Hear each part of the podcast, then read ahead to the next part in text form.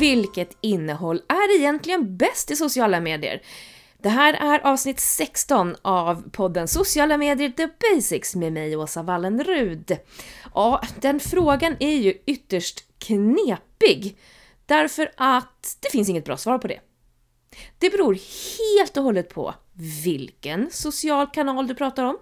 Det beror på vad ditt bolag, företag är för någonting.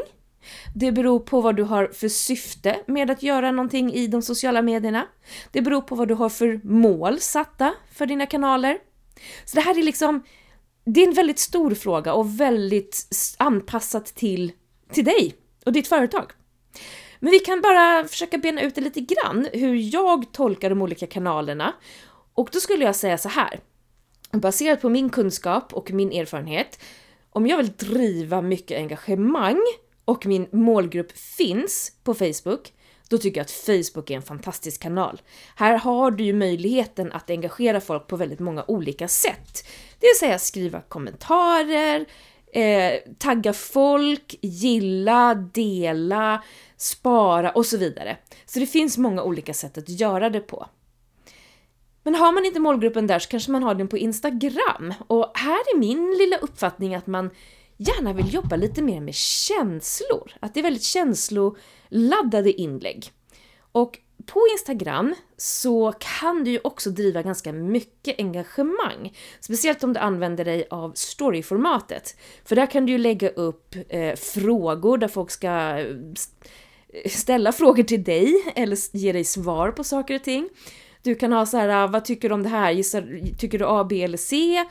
Eh, du, kan, du kan göra väldigt mycket och driva engagemang. Det enda med det är att ingen annan ser att det har varit mycket engagemang, såvida du inte sen delar de svaren eller frågorna som du har fått in. På vanliga Instagramflödet så är ju syftet att få väldigt mycket kommentarer och visningar.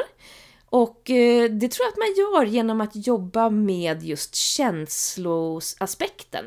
Någonting som talar till folks hjärtan och ja, lite åt det hållet. Det, alltså, så ser i alla fall mitt flöde ut och någonting som jag tror är viktigt på just Instagram. Sen kommer vi till den här busigare kanalen då som heter TikTok. Det här är ju en helt annan värld. Här jobbar vi ju 100% video, här jobbar vi 100% ljud. För på de andra kanalerna så är ljud inte alls en prioritet. Ser du en film på Eh, Instagram eller på Facebook så har du en tendens att inte ha ljudet på utan du tittar på vad som sker och så vill du gärna ha då text eh, som så undertexter eh, där all konversation då visas. Medan man på TikTok går in med intentionen att både titta och lyssna.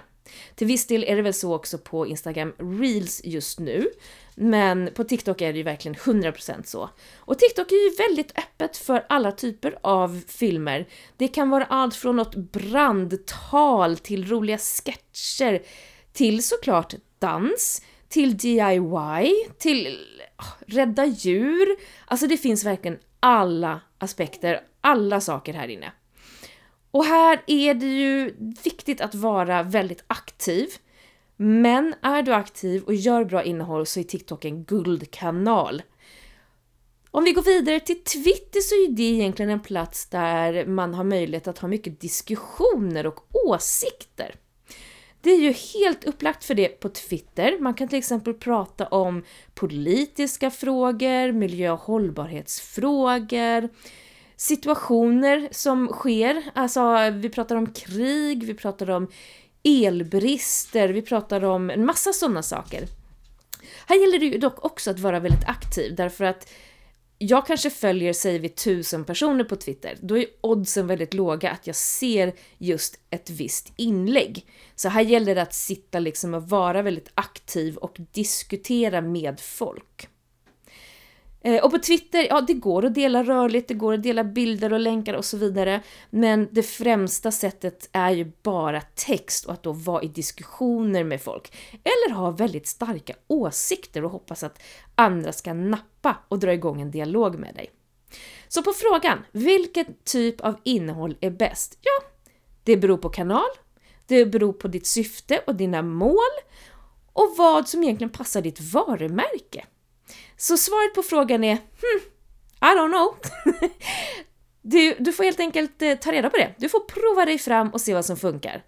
Rörligt, alltid kul. Bild, ja om det är bra bilder. Text, absolut, men inte för långt. Ja, typ så. Svårt va? ha det bra!